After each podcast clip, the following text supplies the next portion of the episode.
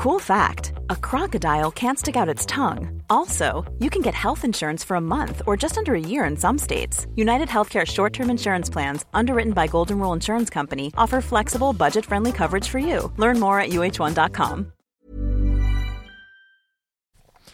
Hej Anders, välkommen till 4 meter. Tack så hjärtligt. Ja, jag heter Fritte Fritzson Mm. och eh, det är som vanligt vi två som gör den här podden. Ja. Det här är inget eh, solojobb det här. Nej, men det är inte heller något grupparbete där vem som helst får vara med. Nej, precis. Utan det är någon slags mittemellan. Ja, så. det är du och jag. Ja. Du, eh, jag tänkte börja med eh, att fråga, känner du till Emma Frans? Eh, ja, Hennes senaste bok heter Expertparadoxen, eh, som handlar om, eh, om huruvida man alltid ska lyssna på experter och vilka fall som man ska lyssna och vilka fall som man borde kanske tänka lite mer själv och så. Mm. Den är, ja, men det är en populärvetenskaplig Mm. bok helt enkelt. Men jag tänkte bara läsa upp en liten passage ur den boken. År 1984 publicerade psykiatrikern Casper G. Smith en artikel i tidskriften Journal of Psychohistory där han föreslog att aids egentligen var en epidemisk hysteri och att sociala konflikter låg till grund för hysterin. Han menade alltså att det egentligen handlade om en felaktig föreställning som drabbade vissa grupper och att tillståndet inte alls berodde på ett virus. Tio år senare dog Schmidt i aids. Det är inte så många gator i varje stad som lyser om natten. Det är inte så många gator i stad som lyser om natten. Det är inte så många gator i varje stad som lyser om natten. Men en kicker som du kan väl bygga en annan väg om du får en linjalteckning av mig.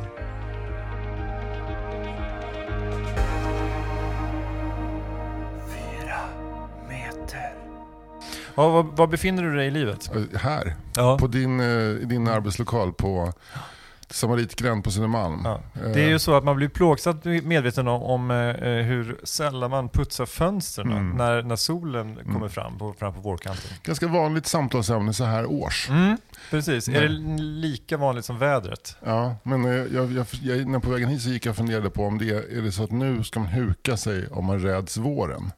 Det är den tiden när nu, nu får du passa dig noga. Du som hatar ljusets återkomst.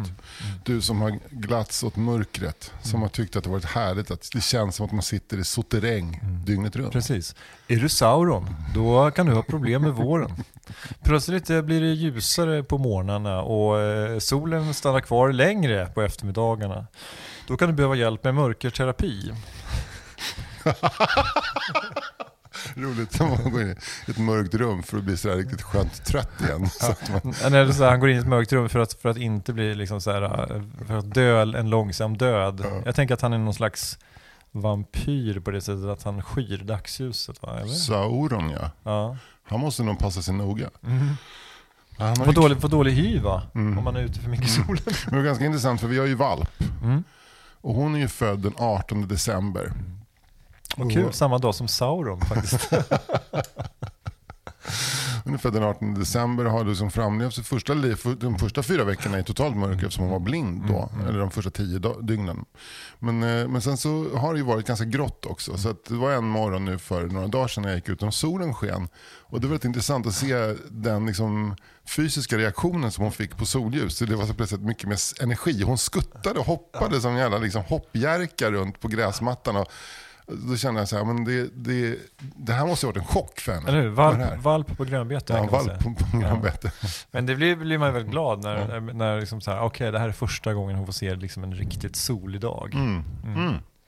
Ja, vad fint det var. Mm. Vänta bara till- tills hon får se husse på Medborgarplatsen eh, på eh, det här lilla, vid Björns trädgård, den här uteserveringen där. Tre starköl in. Vänta bara. Hon kommer, hon kommer skutta ännu, ännu hårdare. Ännu, Ja, men det är då som den stackars hundrapen sitter under stolen Lite och jag, ja, och jag håller kopplet hårt och bara tar en, tar en till. Får man röka här? Och sådär. så här, eh, så här, nej, skiter väl jag i. Tre starköl in. Hur? Då börjar jag bli lite kaxig också. Varför, har jag, varför har du valp? Sitter du och raggar med valp? Babylon var ju stället jag tänkte på. Ja. Det, eh, Babylon har en ganska klassisk Paris-vibb för att vara Mm, Stockholm. mm. Det är ju, eh, för er som inte då har varit där, det ligger ju då i Björns trädgård vid Medborgarplatsen. Det är ju då ett, ett, en korsväg av hipsters och eh, lodisar kan man säga. Och, och även eh, muslimer som är på väg till eller från fredagsbönen på moskén som ligger precis ovanför Mm. Precis, så Babylon. det kanske är eh, Stockholms mest blandade plats på det Mm, sättet. den är häftig. För er som är mer nyfikna på Babylon kan ni läsa Stefan Lindbergs roman Splendor som till stor del utspelar sig på de höga stolarna på Babylon. Ah, intressant. En, eh, en höst eh, för några år sedan. Jag vet inte vad jag tycker om de höga stolarna på Babylon. Överhuvudtaget, men vad, vad, hur vill du sitta där? Jag vill sitta, jag vill sitta på en vanlig stol. Sitter på de här eh, med parisiska kafémöblerna på, ut, på gruset utanför. Ja men alltså så här, om det finns en bardisk så tycker jag att det ska finnas barstolar där. Men att då restauranger har liksom börjat då så här, göra höga bord med barstolar bara för att. Det, där är jag väldigt konservativ, det tycker jag är ett otyg. Men du, du, vi, du och jag och några andra tillbringade ju en, eh, en väldigt lång sittning på en restaurang bara för några dagar sedan på just så här höga stolar. Ja, det är inte så att så här, eh, ja, men tre öl in så spelar det ingen roll. Ja, men jag hade också problem faktiskt i början med liksom, hur, hur drar man in stolen? Därför att man når inte, inte ens vi som är så långa når ner så man måste hoppa in Eller hur? stolen. Men är det, är det för att vi är så långa i oss själva som, som, som att vi inte vill sitta ännu högre då kanske? Är det, det någon, någon sån problematik? Det är att, ja, jag, Alltså, nu, ska jag, väl- så här, nu ska jag vilja rätta mig, för den, den middagen, vi, för det, det bordet tycker jag sitter som en smäck. ja, jag varit lite förvånad. För Ja men, vi det bordet, det bordet, ja, men det bordet tycker jag är helt men en fantastiskt. av grejerna är ju att det är högt. Ja, så att det, det kanske, jag kanske, det är en sanning med modifikation då. Men Mm. du vet så när man sitter på, här borta på kvarterskrogarna, det är liksom olika tvåor Mm. som man sitter så. Mm. Eh, och då sitter den yttre, den som sitter på den yttre platsen där liksom, känns väldigt utlämnad. Mm, jag fattar, jag fattar. eh, Nej, men, jag, men jag tyckte inte att det var en av de positiva upplevelserna med vårt restaurangbesök. nej. Inte att det var höga stolar. Mm. Det, hade varit ännu, det var ju väldigt bra. Men det hade varit ännu bättre om vi hade haft markkontakt. Man hade haft golv under sula och inte den här lilla stången där man liksom hakar in Just det. bakkanten av sulan. Men kan det vara någon slags baktanke att restaurangerna tänker att hmm, nu ska vi se eh, om folk blir fulla lite tidigare med tanke på att de sitter så högt, att de vinglar mer på något sätt, att det är så här, tyngdpunkten är högre. Att vi kan då liksom så här, styra eh, så här, våra, liksom, våra utkastningsprinciper eller på något sätt att man, att man kan tidigare liksom plocka de, de för fulla gästerna och liksom varsamt leda ut dem i natten. Inte på en sån här fine dining restaurang. Nej. Nej, det, inte. det, det är inte det, det är det minsta Nej. problemet. Det där är en, en inredningsarkitekt som vill ha topografi i rummet. Mm, exakt, Man precis. Olika nivåer. Liksom. Restaurangens topografi. Ja, Ja. Men då tycker jag den, den topografin är bättre där man har nivåer på golvet. Alltså att man, man går upp en nivå, och, men, men att man fort, fortsatt då sitter... Eh, ja. Jag tycker jag är en sucker för, för, för lite, lite båsiga restauranger. Jag tycker det är rätt mysigt faktiskt. mm, det tycker jag också. Ja. Det, är, det är just det där rumsliga, det lilla, lilla rummet i det stora rummet. Mm. Men kommer du ihåg Beatles-filmen Help? Det- Nej, knappt. Ja, men den, den fascinerade mig inte så mycket för innehållet. Den, jag gillade ju Beatles såklart Ja. när jag såg den i, någon gång på 70-talet. Richard Lester hette han som gjorde Mm. den. Men eh, då, det, det handlar ju om att Beatles bor i, jag tror de bor i London. Mm. De kanske bor i Liverpool också, det har jag inte uppfattat. Men de bor i, liksom, de bor i varsitt radhus bredvid varandra. Mm. Så John, Paul, George och Ringo kommer hem från studion så går de in i varsitt radhus. Och där inne har de ju slagit ut väggarna mellan de här radhusen så det är ett enda stor, en enda stor rumslighet. Vet du vad jag tänker med ett ord? Nej. Pojkdröm. Ja, Eller hur? ja. Att få så bo i ett stort hus med sina Ja, kompisar. Ja. Och sen så är det också topografi i rummet så de har det som en, en försänkning. Där man kan gå ner och där är det bara kuddar så man kan, de glider ner och sen sitter de och sen så sätter de på en skiva och, någon går ut i, i någon slags köksdel och fixar fram någonting. Och det är väldigt, det är väldigt barntillåtet så det förekommer liksom inte det som biter sig på med så här dry martini och heroin utan det är liksom Saft och bullar. saft och bullar och chips. Sen tror- han, tror- handlar filmen om att Ringo har, Ringo har en ring med en extra värdefull diamant. Mm. Och att en superskurk vill komma åt Ringos ring. Det är roligt. Ja. Så, här, så de, de sitter och tänker så här, ja men okej, vad- Ringo ring, ja ok- ja, okej, we're, we're finished. Men det är roligt att, att liksom du, du, du, du, nu ska du göra en film, alltså det blir den där, som när kreatörer ska göra en Ja. film och det blir stress. Ja. Som när jag ska göra julkalendern. Vad, vad, han- jo men det handlar om en julstjärna, som- det är nog det. Ja. Det, det är liksom, Men okej, John, it's about, John is, needs to go to the John. yeah, great, great.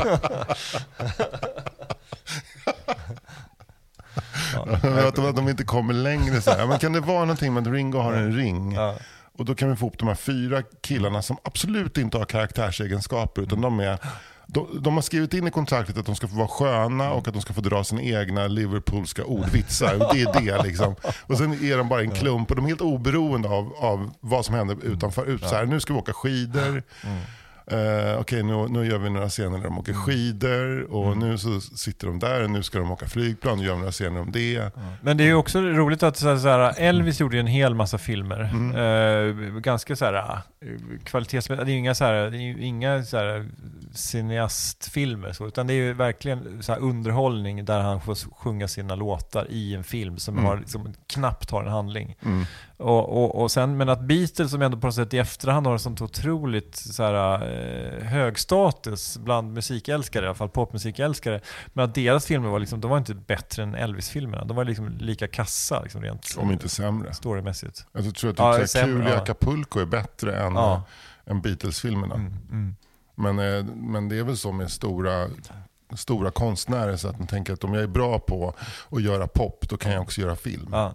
Eller skriva Men det var som när eh, eh, Metallica gjorde en, en, en film för kanske tio år sedan som hette Into the Never. Mhm. Som var eh, nå- något av det mest fruktansvärda jag sett. Jag var, jag var ihop med en P1-journalist då och hon Mm. hade fått eh, biljetter till det här för att eventuellt säga någonting om det i typ någon kulturradio eller kulturnytt eller sånt där.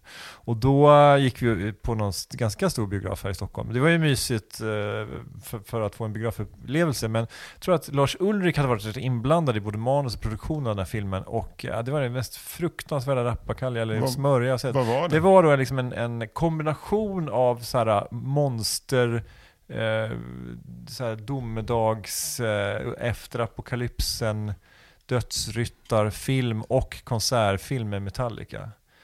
Det var handlade om någon snubbe som skulle liksom köra någon grej som behövdes till en Metallica-konsert till någon stor arena. Och sen så är det någonting med att liksom stan utanför, det är någon så här vag handling om någon så här eh, ryttare som rider runt och hänger folk på stan och det är kaos och panik och sådär. Ja, det är så fruktansvärt, du vet sådär, när, när folk med pengar liksom tror att de kan någonting Ja. om någonting annat. Alltså de, de är ju uppenbarligen ganska duktiga på, på metalmusik, för att annars hade de inte sålt så många miljoner plattor. Men, men just det där att folk börjar liksom börjar fick, fippla med något annat, det var ungefär som när Janne Bark började måla tavlor. Ja, det är ju det starkaste exemplet på det är det starkaste exemplet på när en person som är bra på en sak inte alltid, men tror att har en publik för det. Ja. Alltså jag måste säga att till och med jag tycker att Lundells måleri, det är inte verkshöjd. Nej, men jag tror att vi har varit inne och tassat på Janne Och det är tavlor. Bark som typ målar en svensk flagga och en glad gubbe. Ja, men man tänker att han, han, han eh, ja, men typ att han är på någon slags femåringnivå. Ja. Men, men att han ändå har det här liksom, auran av en, liksom, en skön gubbe med kofta på Österlen som, som köper dyra oljefärger. Han, han, han tror att naivism, att det är naivism han håller på med. Han Ja. fattar inte att Matisse kunde också måla vanligt. Liksom. Han, Ja men Lundell, ja jag, vet Jag inte, jag kan för lite om Lundells konst. Men Strindberg kunde ju måla. Aha, vad duktig på att måla. Ja. Men, men eh, det, finns, det finns ju folk som ändå kan olika grejer. Mm. Ja men ta Lasse Åberg till exempel. Ja men hur, Rekla, reklamare, tecknare. Han är målare. Ja. filmmakare, eh, regissör. Ja. eh, Så, så att han, det känns ju som att han är ju liksom exemplet på motsatsen egentligen. Mm. Det känns kanske lite för, för mycket att kalla honom för renässansmänniska, men han är ju väldigt konstnärligt begåvad på många olika fält känns Mm, som. Eller mm. har en väldigt bra fingertoppskänsla. Ja, ja. Parat med liksom någon slags eh, teknisk eh, briljans. Men han har Så- också, han har, Lasse Åberg har ju liksom förstått att inte ha för höga ambitioner med någonting. Men det, han är ju sprungen ur hela det här, eh, så här idolkortssamlar 50-talet och, och eh, Radio Luxemburg och populärkulturen, vilket gör att han, ja men och popkonsten såklart också, eh, vilket gör att han är då, han har en lätthet i sitt anslag på något sätt, Mm. på ett sätt som kanske andra då, som Mm. kanske varken Janne Bark eller Lars Ulrik Mm. har. men, men så, så är det som ett omvänt eh, tips då, så se aldrig Into the Never, Metallicas Nej, nej. konstiga Ja, på- konsert slash, slash slasher. Så där dåliga grejer brukar man kunna tänka sig, gud vad kul den ska jag se. Men Ja. sen är det, fattar man att det är dåligt på nivå så att det är bara plågsamt. Det är som att ligga som Loke under ormen och få gift droppat i ögonen. Det är liksom inte behagligt på något sätt. Det är så här, ganska så här Jag har otrevligt. sett att Micke Persbrandt har börjat med design också. Kläddesign. Har de? Mm, Oj då. på Instagram. Aha. Det är för jävligt också. Det är Ja. bara för jävligt. Ja. Men, är det så, men är det så att han gör grejer själv eller liksom har han liksom, liksom så här, Han teamat, fram- upp, teamat upp med någon Han film? hittar någon annan tjackis som håller på med typ solglasögon och skinnpajar. Och sen Ja. så lyfter han fram honom och så är det någon, hookat på någon fotograf som tar bilder med hög kontrast. Liksom. Mm. Och så Ja. är det de två med deras tatueringar och de ser helt hårda ut. Och så, alltså Micke Persbrandt, hörde du hans sommarprogram för några år sedan? Mm, nej. Högt alka- arkaiskt språk, Mm. eh, litterärt, Mm. eh, syftningsfel Ja. och noll innehåll. Ja. Alltså det var så sopigt så att Ja. det, det, man, su, man sulade Mm. radion i väggen. Ja. Eh, en, annan, en annan av de där bad boysen från Dramaten som inte heller riktigt står på egna ben som konstnär, det är ju Torsten Flink. Mm. Hans måleri, har du sett det? Nej. Tänk dig att du har, tänk dig att du, du är på ett HBV, HVB-hem Ja. och det sitter en jiddrig 14-åring med ADHD och lyssnar på dig när du förklarar för honom att det är sista chansen. Han sitter och klottrar små tomtegubbar på ett klotterpapper. Ja. Han har lärt sig lite så stora ögon och en stor näsa och en tomtelus. Så. Ja. Han ritar det och så skriver han kuk och fitta. Så ser det ut. Det är så här, går för 85 000 på Tradera. Ja, det är ju... Men, men, men jag får väl ändå säga att Persbrandt, när det gäller måleri, han har väl ändå någonting, har han inte det eller? Persbrandt när det gäller måleri. Ja. Jag tror att han må, har målat också nämligen. Ja, okej, googla upp det då. Så ska, du få, ska du Dennis Dahlqvist eh, tala om vad det är. Kommer, kommer Finns Dennis? Dahlqvist sitta i en blå jeansskjorta? Ja, jag, det är min modeförebild. Ja. Modeförebild Dennis Dahlqvist. Fan vad skön han är sin... Han är double, double denim-killen. Life is full of what ifs. Some awesome, like what if AI could fold your laundry? And some, well, less awesome, like what if you have unexpected medical costs? United Healthcare can help get you covered with Health Protector Guard fixed indemnity insurance plans. They supplement your primary plan to help you manage out of pocket costs. No deductibles, no enrollment periods, and especially no more what ifs. Visit uh1.com to find the Health Protector Guard plan for you. Hey, it's Paige DeSorbo from Giggly Squad. High quality fashion without the price tag. Say hello to Quince. I'm snagging high-end essentials like cozy cashmere sweaters, sleek leather jackets, fine jewelry, and so much more. With Quince being 50 to 80% less than similar brands. And they partner with factories that prioritize safe, ethical, and responsible manufacturing. I love that. Luxury quality within reach. Go to quince.com slash style to get free shipping and 365 day returns on your next order. Quince.com slash style.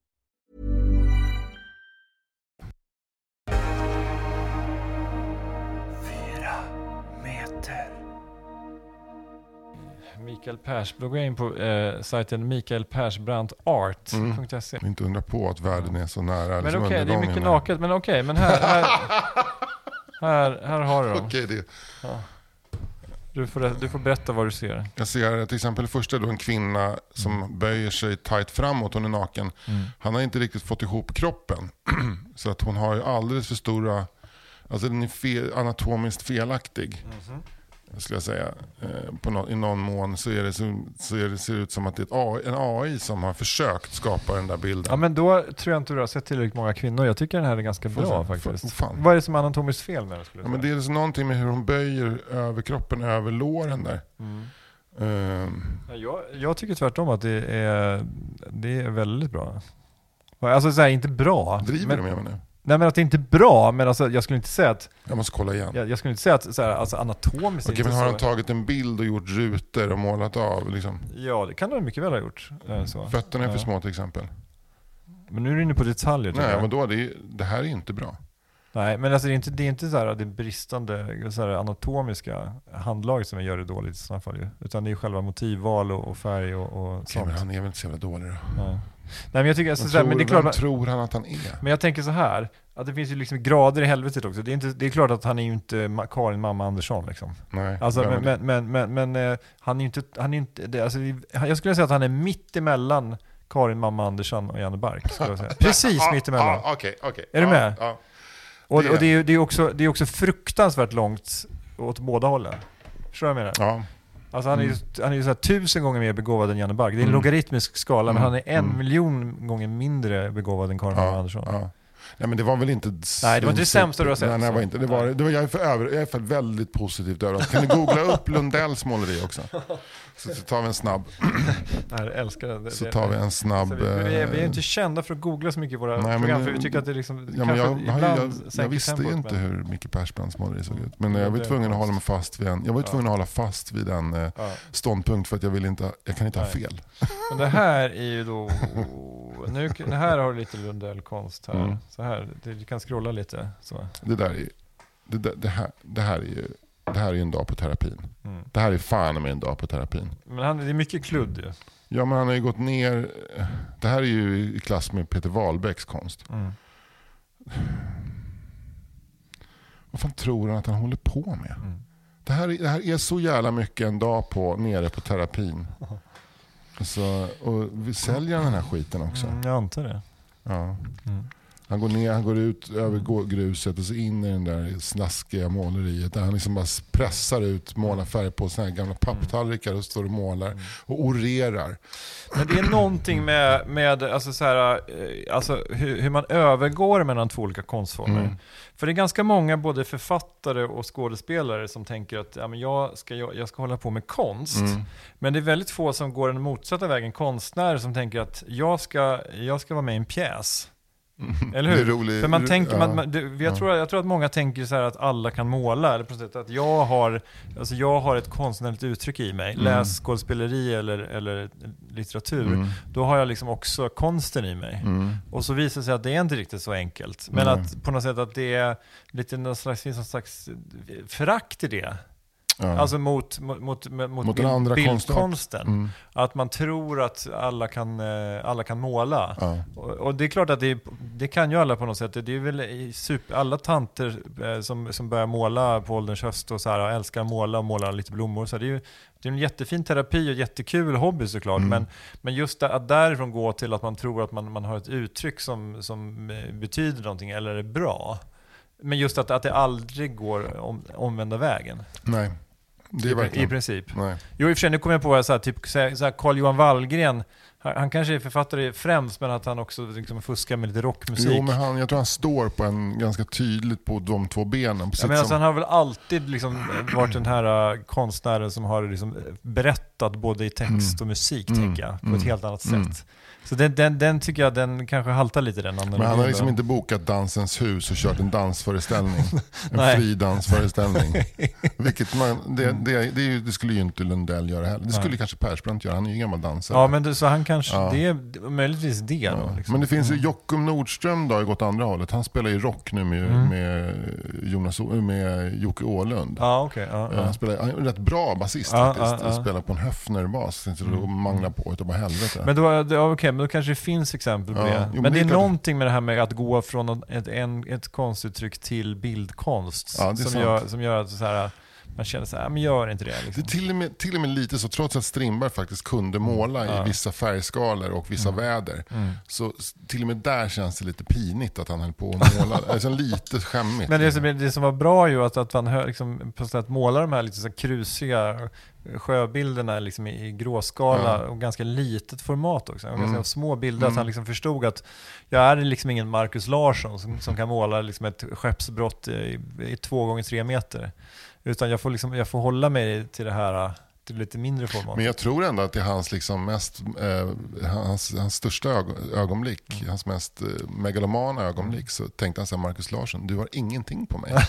Du har ingenting på mig. Jag är, störst, jag är, jag är den största författaren och den största monumentalmålaren i Skandinavien. Mm. Ja, precis. Hör det Marcus? Är Marcus, din hora. Ja, precis. Den jävla romantiker. Ja, men vad heter det? Men okej, men om du, om du ska säga att du är en sak, du är liksom författare. Ja. Eh, vad, vad, liksom, vad, vad skulle du, liksom, vilket annat uttryck ligger dig närmast? Som, i, Ja, men det är väl någon slags scenframställning. Mm. Alltså jag har ju hållit på med stand-up Ja, eh, mm. och jag har hållit på med, med skådespeleri. ju. Just det. Och jag har ju drabbats några gånger av liksom, den hårda smällen att oh shit, det, här är, det här är en konstart Mm, som man, jag inte ska... min- Nej, Jag berättade, jag berättade när jag provfilmade mot Jonas Karlsson i, förra, i våras. Eh, podden. mm, var det i, någon, i, någon, i samband med någon knyckersgrej? Eller? Nej, det var i samband med en kompis som heter Marcus Olsson som är Mm. regissör håller på att göra en film som handlar om eh, typ så här Per Anger och de här på under andra världskriget Mm, i svenska, Eh, svenska UD. Mm. Och då ville han att jag skulle vara med som en av karaktärerna för vi gick på DI samtidigt och han använde mig som så här, roliga gubbar i. Och så Mm. tyckte han att jag skulle, jag skulle få en roll. Och så har han liksom fått till en, en, ett så pass mycket manus och så, på så pass mycket pengar han skulle göra en pilot. Och då ville han att jag skulle vara med. Ja, ja. Och jag, jag sa hela tiden så här, jag, Marcus jag är ingen bra skådis, jag är inte det. Nej. Men vad fan, jo men det är inte så svårt, det är bara säga lite repliker, bla, det är en liten roll, vi kan laja. Men sen så, så, han, så, så, vill, så ville han göra en liten provfilmning med mig och några andra skådisar. Ja, då kommer jag dit, då är det Jonas Malmsjö och Jonas Karlsson. och eh, en tjej som är jävligt duktig som var med i Den tunna blåa linjen, hon spelar den här blonda tjejen från norr. Ja, just det. Eh, Ada Jansson, Ja, heter det eller? ja kanske. Ja, Eller? jag kommer inte ihåg, hon var skitduktig. Ja, mm. Och alla hade ju såklart lärt sig sina repliker utan till.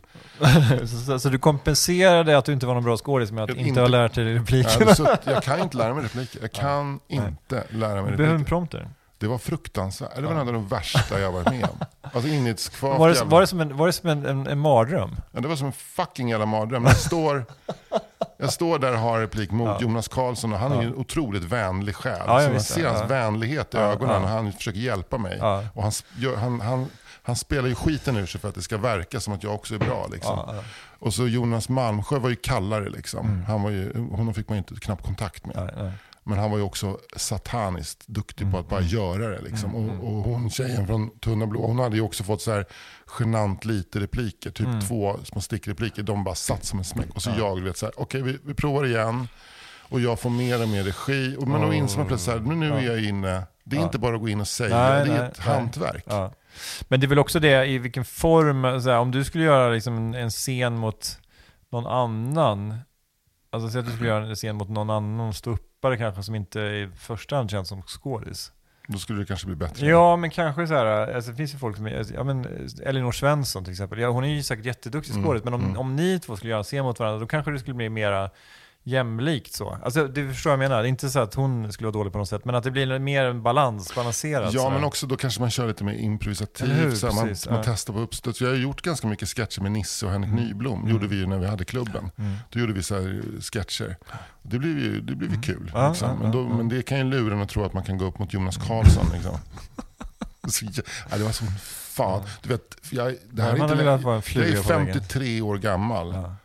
Och gör den där grejen. Så, det finns ju 53-åriga skådisar, till exempel Jonas Malmsjö. Mm. Det finns väl fler som honom. Fan, ta, plocka in Linus Wahlgren eller vem som helst. Varför ska jag stå där Mm. Ja. och ta, ta rum Ja. och luft? Liksom? Men, men man har väl känt några gånger i sitt liv så här, men här, nu är jag verkligen helt på helt fel ställe.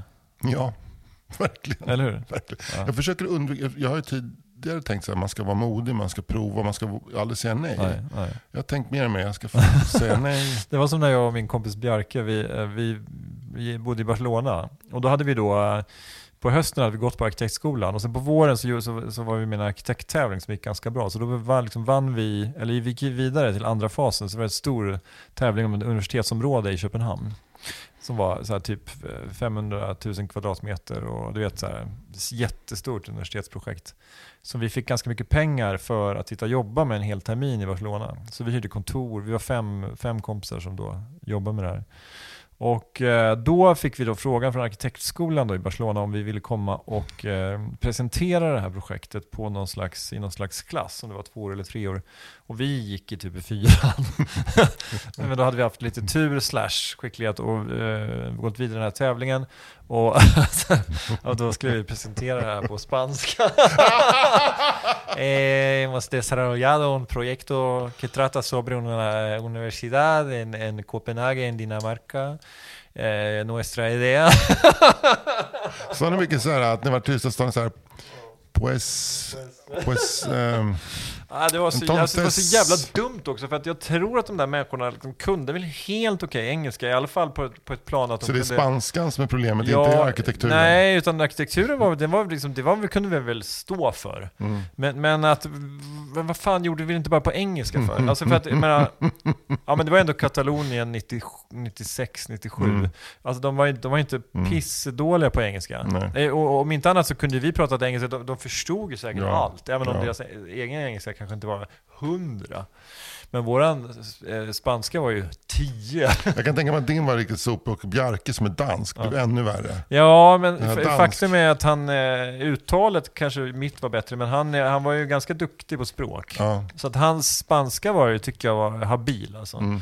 Men det är kul, han... Eh, Han är en av världens största arkitekter idag. Ja, idag är han en, Ja. en av världens största Ja. arkitekter. Ja. Och jag är ju en ganska habil bildkonstnär.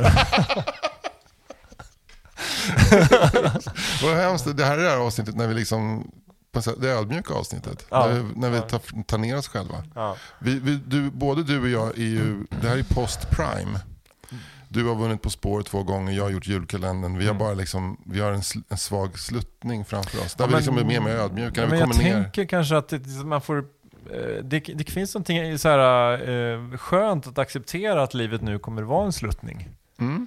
Alltså så här, jag tänker inte att så här, jag ska uppnå nya toppar eller så. Eller jag, framförallt, det har väl kanske att göra med att man då kanske har tuffat på ett helt liv och gjort grejer som man har varit mer eller mindre stolt över. Så det är inte så att man helt plötsligt från ingenstans uppnår någon slags så här, berömmelse, utan det som vi eventuellt har åstadkommit nu är ju liksom Mm. frukten av ett långt arbete. Och då kanske det, det är inte samma, man, man blir inte förblindad av det heller, utan man tänker att ja, men det här var väl en tillfällig grej. Det är inte, kommer inte alltid vara så. Det kommer också vara kommer komma gräshoppor och grodor och Mm. andra, annat djävulskap från himlen sådär, som kommer att sådär, förpesta tillvaron. Så. Men, men jag kan inte hålla med om att det känns skönt om det skulle vara ett sluttning. Nej. Däremot Men ett så- väldigt, väldigt långsamt slutande Nej, jag, jag vill att här, den största höjden ligger framför mig. Okej, nu, Alltså- du, du söker nya kickar nu alltså. Ja, men jag, jag tror att man måste, samtidigt kan man inte klamra sig fast vid det där. Blev haft- julkalender, blev det en fix för dig? Ja, det var fan i mig. Vad, vadå, tycker inte du att eh, di, dina senaste år har varit Ja. lite berusande? Ja, ja alltså så om man skulle vara totalt ärlig nu, så det är Mm. klart att det finns liksom en skön känsla att vakna i kroppen och sådär, just det, jag är ett dubbel På spåret-vinnare. Det är liksom, och det är ingenting som någon kommer att kunna ta ifrån Mm. mig. Det, ju- det finns något härligt i det. Mm. Att man kanske eventuellt då bemöts med en viss respekt för det. Eller liksom Mm. att man på något sätt blir, det finns någon slags eh, aktning i det. Mm. Så det, ju, det, det, skulle jag ljuga om jag jag inte, om jag inte sticka in kände att så. jag pratade med min kollega som jag jobbar med nu, Andreas, som sa, jag tror att det var han som sa, Fritte Fritzson skrämmer mig. Han skrämmer mig med sin kunskap. Du, Vi pratade, som- om, vi pratade om att vi gillar quiz, skulle Ja. du kunna klara av På spåret? Nej, alltså Fritte Fritzson skrämmer mig. Men grejen är alltså att det, det, det, jag- jag tror kanske att det, det, det blir någon slags, man får ju någon slags falsk bild av mig och Marie när vi är På spåret. För det, ja men nu de här två åren, det har ju gått ganska bra. Sådär. Mm. Men, men, men, men du som, och alla som har lyssnat på den här podden, Mm. vet ju att, jag menar, du och jag, vi sitter och pratar om massa grejer, populärkultur och skådisar och film och sådär. Och det är ju liksom ingen större skillnad mellan oss egentligen. nu. Alltså Nej, vi så kunskapsnivå. Du, du, du är ju extremt så kunnig på alltså hela kulturfältet. Är kanske du, kan du minst lika mycket som jag. Ja, men Så, så, att, så att det blir ju som, som att, alltså, så att man får någon slags falsk bild av, av sig med sitta där i TV. Ja, men sen är det också någonting med att kunna saker, det är ja, Mm. antingen kan man eller så kan man inte. Vad ska man göra åt det? Liksom, Mm. det, gör ju inte, du, det gör ju inte en människa, alltså det, det, är så här, det är så löjligt att hålla på att så här, ja, jag kan inte det, då är jag sämre. Ja, jag Mm. Ja. kan inte det. Nej. Men sen är det också, liksom, jag vet inte om det är rätt uttryck med perfect storm, för att jag, jag skulle ju säga att den där tävlingsformen På spåret, just de, liksom, den frågemixen passar Mm. mig och Marie väldigt väl också. Mm. Väldigt mycket geografi, historia, liksom allmänbildning, även lite, även lite musik och Mm. film och, eller populärkultur Mm. och sådär. Att det är, så- sen i en annan quizsituation så kan, kan jag sitta som någon slags ufo kanske. Mm. Inte ufo, men, men eh, det, det finns andra quizformer där jag slash vi då kanske inte alls kommer Tror du att du som- skulle klara det med heder i behåll genom ett, med heder i behåll- betyder att man även kan komma sist. Mm. Men man inte gjort bort sig genom eh, kulturfrågan kontrapunkt. Ja, men jag har ändå eh, testat mig själv där när vi sitter hemma Mm. och kollar. Och jag tycker nog att jag är, jag är ganska bred på det sättet att jag har lite koll på litteratur, lite koll Mm. på, på konst Mm. och lite koll på musik. Så att jag har ju så här, ja men lite klassiska pärlor. Jag har liksom ändå, jag jag har faktiskt läst, jag har faktiskt läst både konstvetenskap och litteraturvetenskap. Så att, så att men det där har jag nog, speciellt konsten skulle jag säga att jag har ändå, ja men jag, jag, jag kan ingenting om Mark Rothko. Men jag kan liksom peka ut en Mark Rothko. Och sen så vet jag att han är en, en av de liksom amerikanska modernisterna. Att han målar liksom ganska monokroma grejer och sådär. Jag kan, liksom, jag, kan, jag kan känna igen en Hopper, jag kan känna igen en Jasper Johns Sådär. Men, men, eh, eller en Warhol eller vilka det nu är, Liechtenstein, alla de där gubbarna. Liksom. Mm. Eh, Men, det amerikanska kan jag 60-talet, inte- det kan Ja, du. det är ingen som slår mig på fingrarna där. Eh, 50 också. 50, förlåt, men, hopper, och, ja. men, men, eh, och 40. Men, men, eh, Kan du känna igen en Jackson Pollock? Ja, där går gränsen. Alltså. Jag, jag, br- brukar ofta blanda ihop Piet Mondrian och Jackson Pollock. De är så lika i sina färgskalor, så jag bara, åh, vilken är vilken nu då? Vilken är det som bara har ortogonala eh, mönster och vilken är det som har liksom helt random? Kan du skilja två renässansmästare från varandra? Eh, du tänker till exempel på... eh, Botticello och... eh, Ja, säg en annan. Säg en annan. Kan jag säga renässansmästare. Botticello eller vad heter... ehm, jag vill inte säga Leonardo da Vinci. Det, där, där avslöjar jag mig att jag Mm. kan typ en, Ja, två. men du kan ju två stycken. Då. ja, da Vinci och Botticello. Ja, men, men eh, Gac- eh, Bo, alltså, Botticelli, alltså han är ju då, det är ung renässans va? Så Ja. att han, han, Mhm. han har, det, det finns en annan sprödhet i hans mm. Venus födelse och alla de där. Mm, Venus ja, födelse. men, men- men eh, det, är, det, det är snarare, vi, vi pratar om mitten av 1400-talet Mm. här. Mm. Eller så här mot slutet, medan Mm. Leonardo har ju sin prime då från eh, precis i slutet av 1400-talet och 1500-talet. Mm. Men du kan ju, en, en, en bra eh, minnesregel det är ju liksom att gå till Teenage Mutant Ninja Turtles, för där har du ju de fyra, fyra av de stora mästarna. Rafael, eh, Ja. ja. just det, Michelangelo också, Ja. renässansmästare. Ja, och, och Eh, Donatello. också. Donatello. Mm. Mm.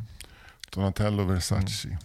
Ja, just det. Och Donatello som jag tror har gjort den här fantastiska ryttarstatyn av Gatta Melata, Mea- Melata heter den väl, om det är Padua eller Mantua. Det är någon av de där städerna. Men där känner jag mig faktiskt lite dum. När, för, för att jag sa fyra renässansmästare, Mm. Ja. trodde jag, eller två, Ja. jag kunde dra två ur röven och Ja. inte ens kom på Michelangelo. Nej.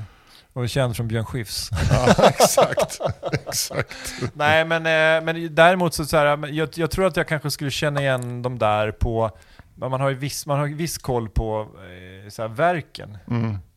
Man vet ju att eh, men, eh, Leonardo har målat Nattvarden, eller hur? Han har målat Mona Lisa, han har målat så här Dam Hermelin och vad heter det, där, Madonnan i grottan. Mm. Och sen då är det Michelangelo, då är det liksom det här eh, taket på Sixtinta kapellet och det han var ju också väldigt så här, stark på skulptursidan då. Eh, Och, så. Så att, och sen när man kommer in på de här andra, liksom, på, på Rafael och Donatello, då, alltså, nej, det är ju, alltså så här, känna igen dem på liksom så här linjeföring och så här äh, motivval, det, där, om, om det är mindre kända verk, men då får man väl kanske då, som, som de gjorde förr i Kontrapunkt, när det bara var musiktävling, när Sten Broman och Six- Sixten Nordström höll i det, eller Sten Broman sådär Ja, vad, vad tror ni att det här kan vara för någonting?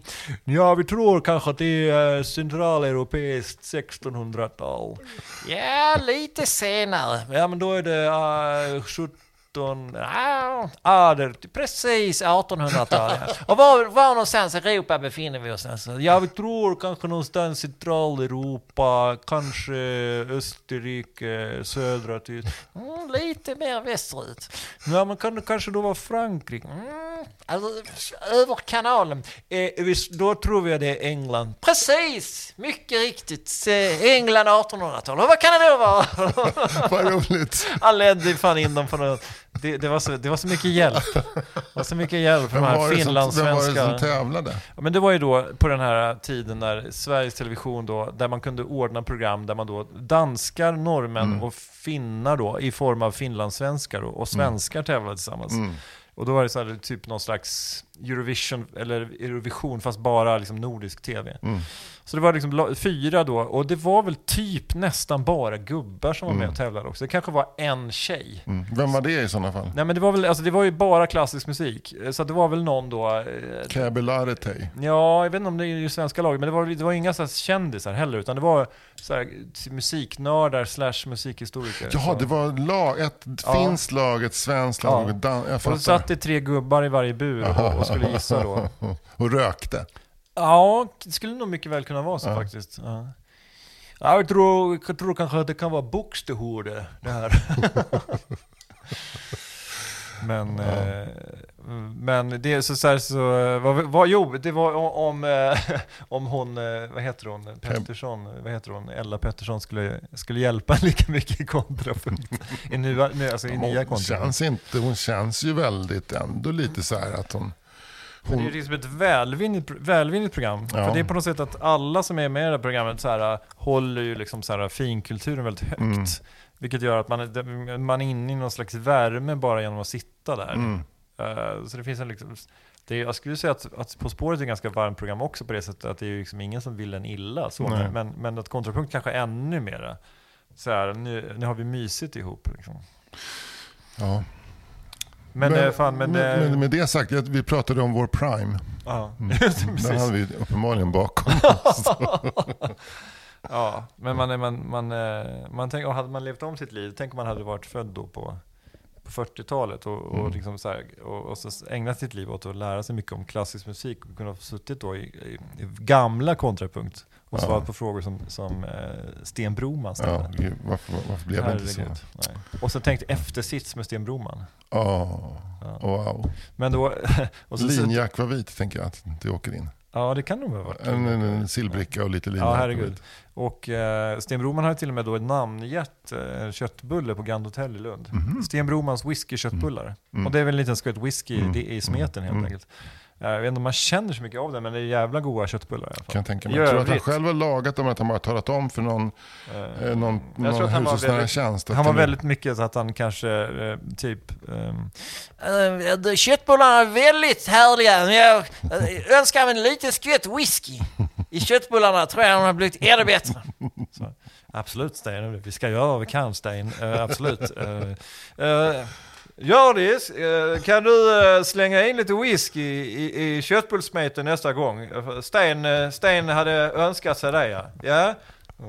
Vad roligt att Sten är sån auktoritet, så att nu är Sten i huset. Då känner man det i hel, varje rum, så är det Sten, Sten är här. Sten Men det är på något sätt, det finns ju några få ställen i, i eh, jag menar alltså så här som är liksom förknippade med, alltså, ja men det är just restaurangkultur och stora konstnärer. Jag tänker på Sten Broman och Grand i Lund och sen så Piraten hade ju ett bord på Savoy i Malmö där han alltid satt. Och det finns väl också sådana här, ja men Gyllene Freden och ma- massa sådana här Stockholmsexempel. Rosa drömmar, Stig Larsson. Exakt, Mm. precis. Kanske då liksom lite par, par divisioner Mm, Men det är ändå Stig Larsson. Det är ändå Stig Larssons Lägre krog, högre konstnär. Mm. Enligt honom själv i Ja. alla fall.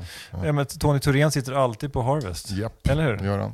Det är så här, Med en liten öl. med en liten öl. Mm. och, Och så vad- har lite vad försöker- mikrofon så han kan kunna prata. hur försöker Bara han pratar ju Ja. så här. eller? så här, med en liten öl, vem försöker han lura? Vet du förresten att Eldkvarn ska ut på turné i sommar? ja, igen. Ja. Men de gjorde ju så här, t- t- som sålde ut någon park i Norrköping två gånger för att Ja. det var det sista de skulle ska göra. ut igen. Ja. Mm. Cashen ska in. Cashen ska Ja. in. Ja. Tony Thorén måste ju ha råd med en liten öl på Harvest. Men om det är någon som är liksom eh, trålare i Stockholm och vill, vill åka på eldkvarn-safari Mm. i Stockholms Mm. eh, underbara värld. Mm. Gå till eh, Harvest Home på, nu ska vi se, Bondegatan Mm. i Stockholm. Mm. Ganska långt upp mot Renstjärnas gata. Mm. Där ligger ett underbart litet ställe som heter Harvest Home som drivs fortfarande väl av en holländare va, tror jag. Delvis i alla fall. Säkert.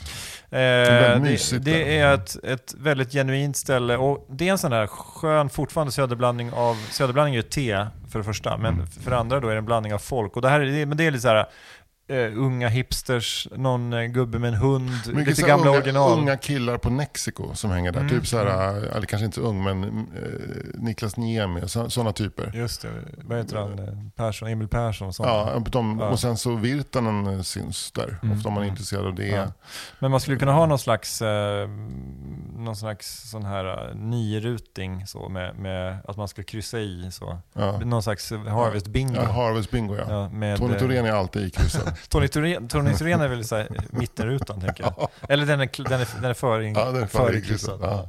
Och sen ska det vara liksom så lite roliga fejor David, David. Richards eh, hängde mycket på Harvest. Ah, okej. Han blev tydligen eh, han blev, han blev draftad från, eh, Kar, eh, inte Carmen, vad heter det som ligger på Blecktornskällan? Mm, där hängde han, men sen så blev han liksom uppflyttad till Harvest. Blecktornkällaren kan jag för också övrigt, det kan jag verkligen rekommendera. För Blecktornkällaren är en sån här kvarterskrog.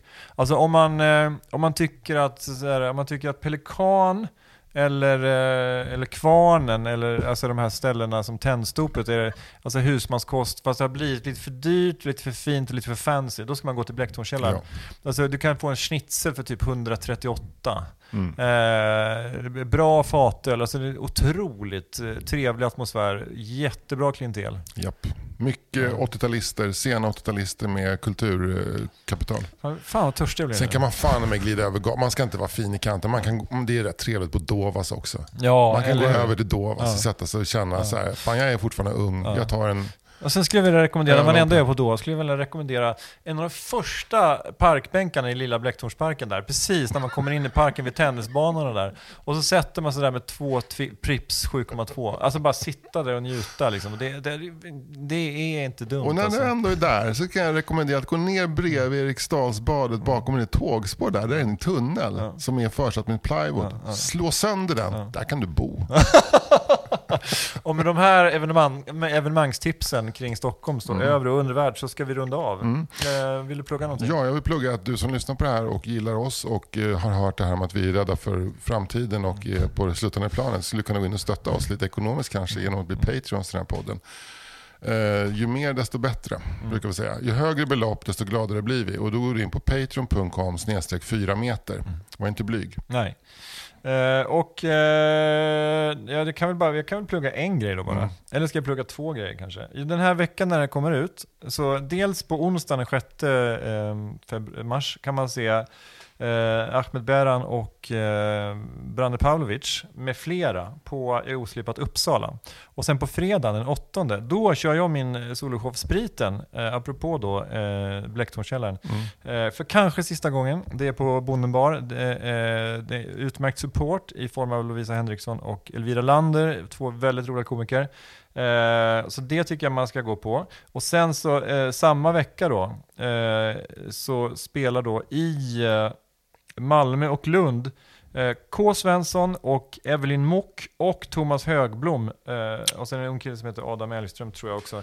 Eh, så det finns mycket kul. Vad Fyra roligt. föreställningar bara den här veckan som det här kommer ut. Vilken alltså. grej. Vad roligt att Thomas är ute och luftar. Eller hur? Han är Eh, en av de roligaste. Ja, han är, har kallats komikernas komiker. Ja. Han är en, en, liksom en you're in for a treat om ni inte Ja. sett Thomas Högblom. Och eh, med det sagt, eh, googla gärna eh, Micke Persbrandt art och döm själv. Hej då! Hej hej. Planning for your next trip? Elevate your travel style with Quince. Quince has all the jet setting essentials you'll want for your next getaway, like European linen, premium luggage options, buttery soft Italian leather bags, and so much more. And is all priced at 50 to 80% less than similar brands. Plus, Quince only works with factories that use safe and ethical manufacturing practices. Pack your bags with high-quality essentials you'll be wearing for vacations to come with Quince. Go to quince.com slash pack for free shipping and 365-day returns. When you drive a vehicle so reliable it's backed by a 10 year, 100,000 mile limited warranty, you stop thinking about what you can't do and start doing what you never thought possible. Visit your local Kia dealer today to see what you're capable of in a vehicle that inspires confidence around every corner. Kia, movement that inspires. Call 800 333 4KIA for details. Always drive safely. Limited inventory available. Warranties include 10 year 100,000 mile powertrain and 5 year 60,000 mile basic. Warranties are limited. See retailer for details.